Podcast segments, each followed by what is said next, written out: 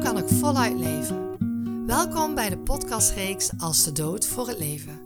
Ik ben Christel en samen met mijn collega's van Kinderhospice Quattro bespreken wij met elkaar en met gasten over het leven, overleven en de dood.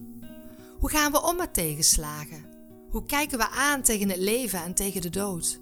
Door met elkaar te praten over wat we tegenkomen in het leven en hoe we omgaan met het donker, maken we tegenslagen en de dood bespreekbaar. We zetten het donker in het licht en kijken wat dat ons brengt. Want zorgt het aangaan van het donker in ons er ook niet voor dat we kunnen groeien en voluit kunnen leven? Luister mee.